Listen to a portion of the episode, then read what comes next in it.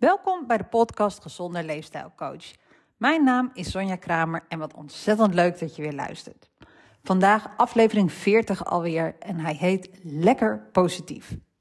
En wederom heb ik leuke berichten mogen ontvangen over uh, de podcasts op mijn mailadres sonja.gezonder.nl.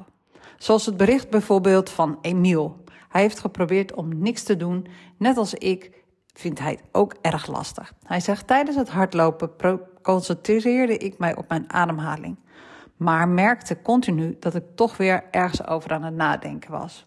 Ja, niks doen uh, blijft ingewikkeld, maar blijf oefenen, Emiel. Hang in there. Het gaat beter worden als je het maar traint. En Petra mailde: Als ZZP'er ben ik altijd bezig met mijn bedrijf. Door de podcast realiseer ik me dat ik best af en toe van pet mag wisselen en niet alleen maar de ZZP-pet hoef te dragen. Zo heb ik de vrije tijdspet geïntroduceerd. Deze zet ik op als de wekker van mijn telefoon gaat. Laptop en werktelefoon gaan uit en de gesprekken met mijn partner gaan over andere dingen dan het werk. Het geeft meer lucht in mijn relatie en meer ruimte in mijn hoofd om ook met andere dingen bezig te mogen zijn. Super mooi dat je dat realiseert, Petra. En blijf vooral je berichten doorsturen, want ik vind het fantastisch om ze te lezen. Vandaag ga ik een stukje verder waar ik met podcast 25 en 28 gebleven was. Deze gaan over positieve intelligentie. Mede naar het boek met dezelfde titel van Gerzat Germain. Heb je je wel eens afgevraagd waarom bijna al je goede voornemens elk jaar weer op niets uitlopen? Waarom de meeste diëten een yo-yo-effect hebben. Waarom dat zeurende en soms angstige stemmetje in je hoofd je elke avond komt jennen, net als je wil gaan slapen of als je midden in de nacht wakker wordt. Waarom je maar zo kort plezier hebt van een prestatie waarvan je veel langer dacht na te genieten. Waarom de nieuwe kennis en vaardigheden die je hebt geleerd bij bijvoorbeeld een workshop al zo snel weer door oude gewoontes worden verdrongen. Waarom teambuilding na een cursus of interventie vaak maar van korte duur zijn. Veel pogingen om ons succes en ons geluksgevoel te vergroten mislukken omdat wij onszelf saboteren. Preciezer gezegd, dat doet ons brein voor ons. Ons brein saboteert ons. Je brein is je beste vriend. Maar het is ook je grootste vijand. Saboteurs in je brein zijn er meestal ongemerkt de oorzaak van dat je in oude patronen vervalt. Dat heeft vaak grote gevolgen. En wist je dat van alle individuen en teams maar 20% zijn ware potentie behaalt? De rest verspilt vooral veel tijd en kostbare energie om zich door zichzelf te laten saboteren. Dus kan je nagaan als ik tegen jou zeg dat je maar 20% van je ware potentie aan het benutten bent. 20%.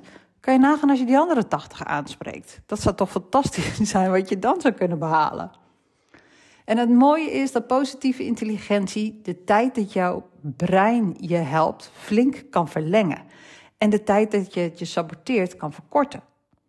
Dit leidt weer tot een permanente ja, machtsverschuiving in je hoofd. Waardoor je meer van je ongebruikte potentie kan gebruiken. Nou, hoe tof is dat? Het gaat uiteindelijk om actie en resultaat. De tools en de technieken zijn een samensmelting van de beste uit de neurowetenschappen, organisatiekunde en toegepaste psychologie. Het klinkt misschien allemaal wat ingewikkeld en alsof je hier heel veel tijd mee kwijt bent om dit te leren. Maar zelfs in een heel druk leven is dit easy peasy toe te passen. Het moet zoveel mogelijk opleveren voor jezelf in een zo min mogelijke tijd. En soms lukt het al na 10 seconden. Nou, dat klinkt toch niet heel erg uh, als dat je daar veel tijd mee kwijt bent. En veel mensen kijken naar het probleem vanuit het probleem. Oh nee, ik ben mijn baan kwijt. Oh nee, mijn relatie is over. Oh nee, ik heb overgewicht. Oh nee, ik heb diabetes type 2 enzovoort. Maar wat nou als je het probleem anders gaat benaderen? Bijvoorbeeld, wat moet ik doen om over maximaal drie jaar te kunnen zeggen dat deze crisis het beste is wat mij had kunnen overkomen. Op deze manier kan je het perspectief verschuiven en al je inspanning ombuigen naar een voor jou wenselijk resultaat. Je verandert je, je houding van een volledig door saboteurs gekaapte houding. Van dit is slecht, hiervan kom ik nooit meer te boven. Dit is het ergste wat er bestaat. Ik ga hier aan ten onder. Dit kan ik niet aan. Waarom overkomt mij dit? Ik kan er niks aan doen dat ik in deze ellende zit, enzovoort. Naar een houding in een nieuwsgierige, creatieve, enthousiaste en vastberaden instelling. Merk je het verschil tussen die twee? We weten niet of iets goeds of iets slechts is voor ons, omdat we niet in de toekomst kunnen kijken. Er is een heel mooi verhaal over een boer en zijn hengst. Ik heb het verhaal voor het eerst gehoord van de schrijver van het boek Positieve Intelligentie, zoals ik al zei. Ik ga het je vertellen. Er was dus een boer en hij had een prachtige hengst. Hij bedacht dat hij er wel een keer een wedstrijd mee wilde doen. En hij, zijn paard won de prijs van de mooiste hengst. En alle buren waren blij voor de boer en kwamen hem feliciteren. En de boer reageerde met: Nou ja, we weten niet of het goed of slecht is dat we hebben gewonnen. En de buren vonden dat maar een vreemde reactie en gingen weer naar huis. Niet lang daarna werd zijn hengst gestolen. De buren waren geschrokken en kwamen hun medeleven tonen aan de boer. En de boer reageerde met: Ja, weet je, we weten niet of het goed of slecht is dat de hengst gestolen is. Nou, de buren vonden dat maar een rare reactie en gingen weer naar huis. Niet veel later kwam de hengst terug met een hele kudde wilde merries. Alle stallen van de boer stonden vol met paarden. En de, de buren waren dolblij voor de boer en gingen hem feliciteren. En de boer antwoordde: Ja, weet je, we weten niet of het goed of slecht is dat nu opeens al mijn stallen vol staan. En de zoon van de boer wilde de merries temmen om ze klaar te maken voor werk op het land. En de merrie was wild en gooide de zoon van, zijn, van haar rug. En de zoon brak zijn been. En de buren kwamen hem beterschap wensen. En de boer, boer reageerde met: Ja, weet je, we weten niet of dit goed of slecht is dat hij zijn been heeft gebroken. Een week na de val brak er een oorlog uit en alle jongens uit het dorp werden opgehaald om mee te vechten. De zoon van de boer hoefde niet met zijn gebroken been te vechten aan het front. Onze saboteurs vinden van alles van een situatie. Maar uit dit verhaal blijkt dat alles omgedraaid kan worden tot een kans of een geschenk. Toen ik 25 jaar was, nou dat is uh, nog niet zo heel lang geleden, laten we het daarop houden. Woonde ik met mijn toenmalige vriendje samen in een appartement driehoog in Amsterdam. We waren net afgestudeerd, we hadden allebei een vaste baan, een leaseauto en naar mijn idee echt een prima leven samen. En toen maakte hij het uit. Voor mij kwam dit volkomen onverwachts. Ik had niks in de gaten gehad. En wat voelde ik mij stom en boos, zielig en verdrietig. Ik heb dagen gedacht dat mijn leven klaar was. Ik zou altijd alleen blijven en nooit meer een relatie krijgen. Dagen heb ik, met mijn, heb ik mijn moeder lastiggevallen met verdrietige telefoongesprekken en ik kreeg geen hap door mijn keel. Dit was het ergste wat mij was overkomen. Goed, fast forward. Ik leerde niet heel veel later een jongen kennen. Ik kon bij hem mezelf zijn, zoals ik dat nog nooit eerder bij iemand kon doen. We lagen slap van het lachen om elkaars grappen. Dat had ik ook nog nooit eerder meegemaakt. En we lieten elkaar vrij, maar bleven dicht bij onze eigen waarden. Je begrijpt, deze jongen is nu al enige jaren mijn man. Moraal van het verhaal. Dat mijn vorige vriendje met mij uitmaakte, is het beste wat mij ooit heeft kunnen gebeuren. Dus je weet niet van tevoren of het goed of slecht is. Omdat we gewoon niet in de toekomst kunnen kijken. En natuurlijk gebeuren er dingen in ons leven die we niet kunnen zien als een cadeau of als een geschenk. En zo is het verliezen van een naaste ongelooflijk pijnlijk. Maar laten we kijken naar de iets kleinere dingen in het leven, zoals bijvoorbeeld de voorbeelden die ik gaf. En misschien heb jij in je leven zelf al iets meegemaakt waarvan je eerst dacht dat het grote ramp zou zijn. En na verloop van tijd eigenlijk het mooiste was wat je had kunnen overkomen. Om het anders te doen dan dat je gepland had, maar eigenlijk beter. En misschien is dat geschenk ooit wel eens uitgekomen. Misschien niet meteen, misschien niet in zo'n korte tijd, misschien over een jaar of twee jaar. Nog even terugkomend op het stuk waarmee ik begon. Het stuk over je brein is je beste vriend, maar ook je grootste vijand. Positieve intelligentie zegt iets over de relatieve kracht van deze twee standen in je hoofd. Een hoge positieve intelligentie betekent dat je brein veel vaker als vriend fungeert dan als je vijand. Een lage positieve intelligentie wijst op het omgekeerde. Positieve intelligentie is dus een indicatie van de controle die jij over je brein hebt en van in hoeverre jouw brein in jouw belang handelt. De invloed van positieve intelligentie is op hoeveel van je ware potentie jij weet te bereiken. Is vrij gemakkelijk vast te stellen. Ik zal je een voorbeeld geven. Als jouw brein tegen je zegt dat je je zo goed mogelijk moet voorbereiden op die belangrijke vergadering van morgen, fungeert het als je vriend. Maar maakt het je om drie uur s'nachts wakker met gepieker over de vergadering en panische gedachten over wat er allemaal mis kan gaan, dan fungeert het als een vijand. Het roept simpelweg onrust en ellende op zonder daar een oplossing voor aan te dragen. En serieus, geen enkele vriend zou dat doen. Nog een persoonlijk voorbeeld. Sinds vier weken heb ik een nieuwe smartwatch. Nou, nu wil ik niet opscheppen over mijn horloge, maar ik wil je een voorbeeld geven.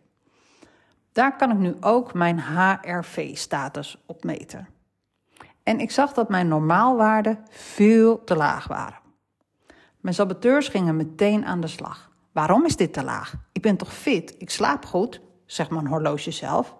Ik beweeg uitmuntend, uitmuntend hè, zegt mijn horloge zelf. Ik eet beter dan de gemiddelde Nederlander. Nou, dit is uit een persoonlijk onderzoek. Waarom is mijn HRV-waarde dan te laag? Ik werd hier zenuwachtig van. Ik kan je vertellen, ik had geen idee wat een HRV-waarde überhaupt was. Het had waarschijnlijk iets met mijn hart te maken, want er stond een hartje bij. Ik ben naartoe gaan googelen en het, uh, het blijkt je hartslagvariabiliteit te zijn. Dat is de tijd tussen elke hartslag. En ondertussen bleef ik hier op de achtergrond wel mee bezig. Is er iets mis met mijn hart? Mijn horloge zegt dat kon komen door ouderdom. Uh, ik ben 44. Ouderdom speelt hierin nog geen rol volgens mij. Of de ontstekingen. Uh, moet ik dan een keertje mijn bloed laten controleren? Nou, de huisarts ziet me al aankomen. Ja, dokter, mijn horloge zegt. Of diabetes zou het ook kunnen komen volgens Google. Nou weet ik zeker dat ik dat niet heb. Aangezien ik nog een half jaar geleden twee weken met een glucose-continumeter heb rondgelopen. En stress. Ja, ik voel me af en toe het opgejaagd. Zoals je in de vorige podcast hebt kunnen horen, vind ik het lastig om niks te doen. En niks doen is een goede vorm van ontspanning. Ik bedenk continu wel weer iets nieuws en mijn werk staat ook niet stil. Ik geef veel workshops binnen scholen en zorginstellingen. En elke keer bouw ik een volledig nieuwe presentatie met de deadlines die daarbij horen. Verder ben ik mijn website aan het omgooien, moet ik af en toe een artikel schrijven voor een blad, maak ik wekelijks een podcast, tada. Ben ik continu aan het studeren, omdat ik dat leuk vind. En ik heb ook mijn eigen praktijk voor individuele leefstijlcoaching. Oh ja, ik coach ook nog het zesweekse programma voor positieve intelligentie, waar de podcast van vandaag over gaat. Stress? Ik weet het niet, maar misschien wel een heel klein beetje. Mijn brein is hierin dus totaal niet mijn vriend. Er zijn al veel gedachten geweest over die HRV-status, terwijl ik hier vier weken geleden totaal nog geen weet van had. Maar gelukkig weet ik ook hoe ik mijn brein weer mijn vriend kan maken. En dat wil ik jou ook leren. In drie stappen kan ik je leren hiermee aan de slag te gaan. Het programma duurt zes weken en uiteraard is dit niet fulltime. Je zit geen zes weken in de klas bij mij. Het past gewoon in een 40-urige of meerurige of minderurige werkweek. Eerst gaan we namelijk trainen je spieren van je PQ-brein. Deze week train je, in week 1, train je dagelijks je spieren van je PQ-brein. Dit doe je met PQ reps. Klinkt heel leuk, vind ik. Dit zijn korte oefeningen van slechts 10 seconden, zodat ze makkelijk toepasbaar zijn. Met elke PQ-rep ontwikkel je een grotere beheersing over je eigen geest. Breng je het negatieve deel tot rust en activeer je het positieve deel van je brein. In de twee weken daarna verzwak je je saboteurs. Nou, ik vind dat echt het allerleukste stukje, moet ik eerlijk zeggen. Het is belangrijk om je saboteurs te herkennen op het moment dat ze je gedachten, gevoelens en acties proberen te gijzelen. Deze weken gaan we ook aan de slag met gedachten en gevoelens van je saboteurs. Door ze te observeren en te benoemen. Want door te herkennen verzwak je ze. En daarna gaan we je sage, je wijze versterken. Het sage perspectief gaat ervan uit dat elk probleem of uitdaging kan worden omgezet in een geschenk of een kans. Nou, daar hebben we het net over gehad. Dit, dit perspectief versterk je door middel van vijf superpowers. Empathie, verkennen, innoveren, navigeren en activeren. Ik vind het ontzettend leuk om hiermee bezig te zijn. En dat heeft mij persoonlijk al heel veel gegeven. En ik zie het ook om mij heen. De mensen die al getraind zijn hierin. Sommigen hebben het zelfs over life changing. Nou, ik vind dat meer dan de moeite waard. PQ staat voor positieve intelligentie quotient. Je PQ is je positieve intelligentie score, uitgedrukt in een percentage van 0 tot 100. Het is een percentage van de tijd dat je brein je vriend fungeert in plaats van als vijand. Of met andere woorden, het percentage van de tijd dat je brein je helpt in plaats van saboteert. Een PQ van 75 betekent bijvoorbeeld dat je brein ongeveer 75% van de tijd behulpzaam is. En ongeveer 25% van de tijd je saboteert. De momenten waarop je brein in de neutrale stand staat, tellen we voor het gemak even niet mee. En je kan zelf ook je PQ-score uitrekenen op de site van www, en wel even de Engelse vertaling alsjeblieft, positiveintelligence.com slash score. Laat je aan mij heel even weten wat je score is. Dat kan je onder andere doen door een mailtje te sturen naar sonja.gezonder.nl. Uiteraard zal ik hem niet in de podcast met naam en toenaam duidelijk maken. Maar ik vind het gewoon leuk om een keertje daarover te hebben met je. En wellicht vind je het leuk om enkele conclusies uit wetenschappelijk onderzoek te horen over het resultaat van een hoge PQ-score. Ik vond dit namelijk nogal verbluffend. Het bleek dat een hoge PQ tot een hoger salaris, nou, ik weet niet hoe ze dat doen, maar bijzonder, en meer succes op het gebied van werk, huwelijk, gezondheid, sociale contacten, vriendschap en creativiteit leidt. Salesmedewerkers met een relatief hoog PQ verkopen 37% meer dan hun collega's met een relatief laag PQ. Medewerkers met een hoog PQ melden zich minder vaak ziek. De kans dat zij een burn-out krijgen of ontslag nemen is kleiner. Ja, ik vind het een prachtige overlapping met leefstijlcoaching. En artsen die hun PQ hebben weten te verhogen, stellen 14% sneller de juiste diagnose. Dus ik vraag tegenwoordig als mijn arts, uh, aan mijn arts of ze recent nog haar PQ-waarde heeft verhoogd voordat ze een diagnose mag stellen. Dat snap je natuurlijk. Ik adviseer jou om misschien een keertje dat gesprek aan te gaan met je eigen arts. en leerlingen met een hoge PQ presteren aanzienlijk beter bij rekentoetsen. Nou, bizar. CEO's met een hogere PQ leiden vaker tevreden teams die aangeven dat hun werkklimaat bevorderlijk is voor topprestaties.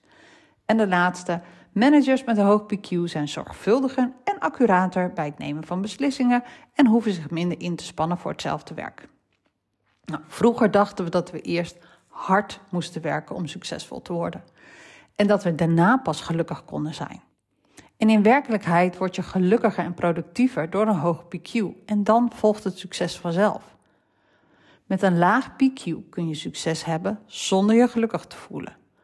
Maar structureel succes in combinatie met een langdurig geluksgevoel is alleen te bereiken met een hoog PQ.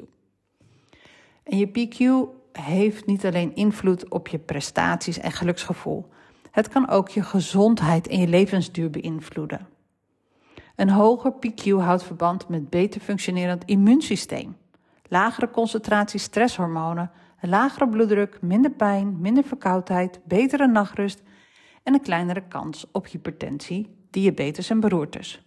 Nou, je snapt waarom ik als leefstijlcoach mij steeds meer richt op een hogere PQ-score.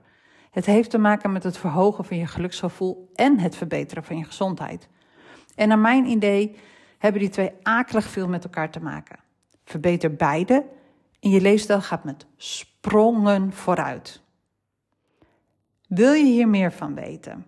Wil je hiermee aan de slag? Wil je hier individueel mee aan de slag of misschien wel met je team? Laat het me weten. We kunnen hier gerust eens over praten. Vind ik ontzettend leuk en interessant. Je kan vrijblijvend een berichtje sturen naar sonja.gezonder.nl. Bedankt voor het luisteren En ik hoop wederom dat het een nuttige en leerzame podcast voor je was. En ik gun je een brein die elke dag wat meer je vriend is. Wil je dat ik een keer in jouw organisatie een training geef over leefstijl of over hoe je brein je vriend kan worden? Stuur geheel vrijblijvend een mailtje naar sonja.gezonder.nl.